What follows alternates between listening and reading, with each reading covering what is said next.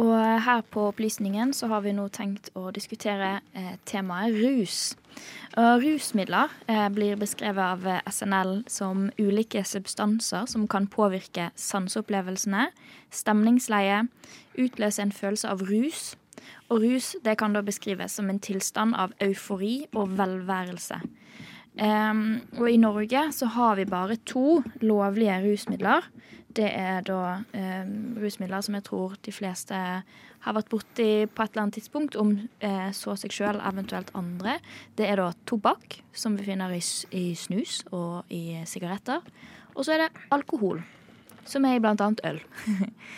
um, men om dette er de to eneste rusmidlene som skal være lovlige, eventuelt avkriminaliserte, det er en debatt som til stadighet eh, kommer opp. Både her og internasjonalt. Eh, Ludvig, i 2021 så, eh, så skjedde det noe.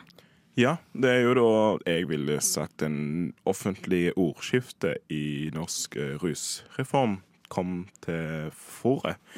Med at eh, regjeringspartiene av Høyre og Venstre i Solberg-regjeringen inn i februar 2021 la fram forslaget om rusreform som gikk under navnet Hjelp, ikke straff mot narkotikabruk.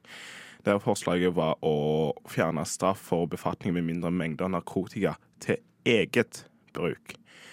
Og ettersom avkriminalisering kun gjaldt eget bruk, så ville det fremdeles bli gitt straffereaksjoner for salg av narkotika, selvsagt. Og dette var jo viktig. Men det viste seg at det ble nedstemt for dette var, ble, det var i regjeringen, var i mindretall. Men hvis eh, Fremskrittspartiet da, til da, som, var, hadde, som var, gikk ut av regjeringen en måned før, hvis jeg husker riktig, var ennå forplikta til Granavolden-plattformen, så ville dette her automatisk blitt en del av norsk lov. Men de var ute av regjeringen og stemte sammen med Senterpartiet og Arbeiderpartiet imot denne rusreformen. Ja, Så det gikk med andre ord altså ikke gjennom? Mm. Ja. Og eh, for øyeblikket så pågår det jo um, en rettssak. Yes. Um, vi kan lese i NRK, f.eks. På forsiden av NRK, så er det en overskrift her hvor det står 'Stappfullt i Høyesterett i cannabissak'. Mange har opplevd seg dømt, er en sånn sitatstrek. Eh, så her handler det om en Jeg skal ikke si navnet på vedkommende, men eh, vedkommende er um, har fått en straffereaksjon fordi vedkommende har kjørt bil i Norge. Og vedkommende er også um, bruker av medisinsk cannabis. Dette er noe som forekommer i Norge. Vi har en slags ikke superinstitusjonalisert, men en form for medisinsk cannabis um, tillatelse man kan få gjennom legen osv. Så, videre. så denne høyesterettssaken, som har liksom havna helt opp i toppen av det norske rettssystemet, går ut på um, dette med klinisk edruelighet. Uh, vi, alle er sikkert kjente med det at det ikke er lov å kjøre bil hvis du er alkoholpåvirket. Um, ja. Dette dreier, da, dreier, dreier, seg da om um, restverdier, altså, som er eh, noe man får da, i blodet. Mål, restverdier av THC, som er da det absolutt mest viktige virkestoffet i cannabis. Eh, så vedkommende har da kjørt bil og hatt restkonsentrasjoner av dette i, i blodet, men kan ikke sies å ha vært liksom eh, ruspåvirket i eh, handlingsøyeblikket. Okay men har likevel da fått en straffereaksjon, og jeg tror, om ikke jeg tar helt feil, inndratt førerkortet osv. Så, videre. ja. så det er en sånn eh, borgerrettighetssak, eh, det her. Men det det egentlig også er, er rusreformdebatten i forkledning. Eh, så dette er jo en sak som eh, Hvis det er da fullstappet i Høyesterett, folk som har lyst til å komme og se på utfallet av denne dommen, da, det er sånn Oi, da blinker det her. Det betyr at dette er noe som har eh, stor, stor, stor interesse i befolkningen. Ja.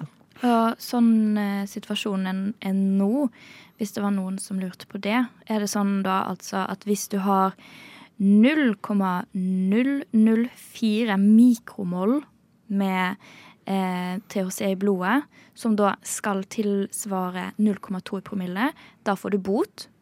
Hvis du har 0,01 mikromol THC per liter i blodet, som tilsvarer, eh, eller skal tilsvare mellom 0,5 og 1,2 promille, så får du bot, betinget fengsel og fratatt førerkortet i minst ett år. Og hvis du har 0,03 mikromol THC per liter blod eh, per, ja, eh, mikromol THC per liter blod i kroppen, da det skal tilsvare 1,2 over 1,2 promille. Da får du ubetinget fengsel, bot og fratatt førerkortet i minst et år. Så det er ganske strenge strafferammer rundt mm. det hele her, da. Mm. Så vi har jo da kanskje en situasjon rundt omkring i verden Um, ja, rundt omkring i hele verden. Bevisst ordvalg her, ikke bare Vesten, men dette er noe som skjer uh, i hele verden. At vi er inne i en slags eh, en annen epoke enn den kanskje våre foreldre har vokst opp i. eh, der man revurderer samfunnets forhold til rus eh, og endrer, endrer kurs der. Eh, du kan si man kanskje i større grad i dag er villig til å gå med på premisset at rus er noe som kommer til å forekomme uansett. Nullvisjon er ganske håpløst. The war on drugs har da mislykkes. Hvis man eh, abonnerer på dette synspunktet.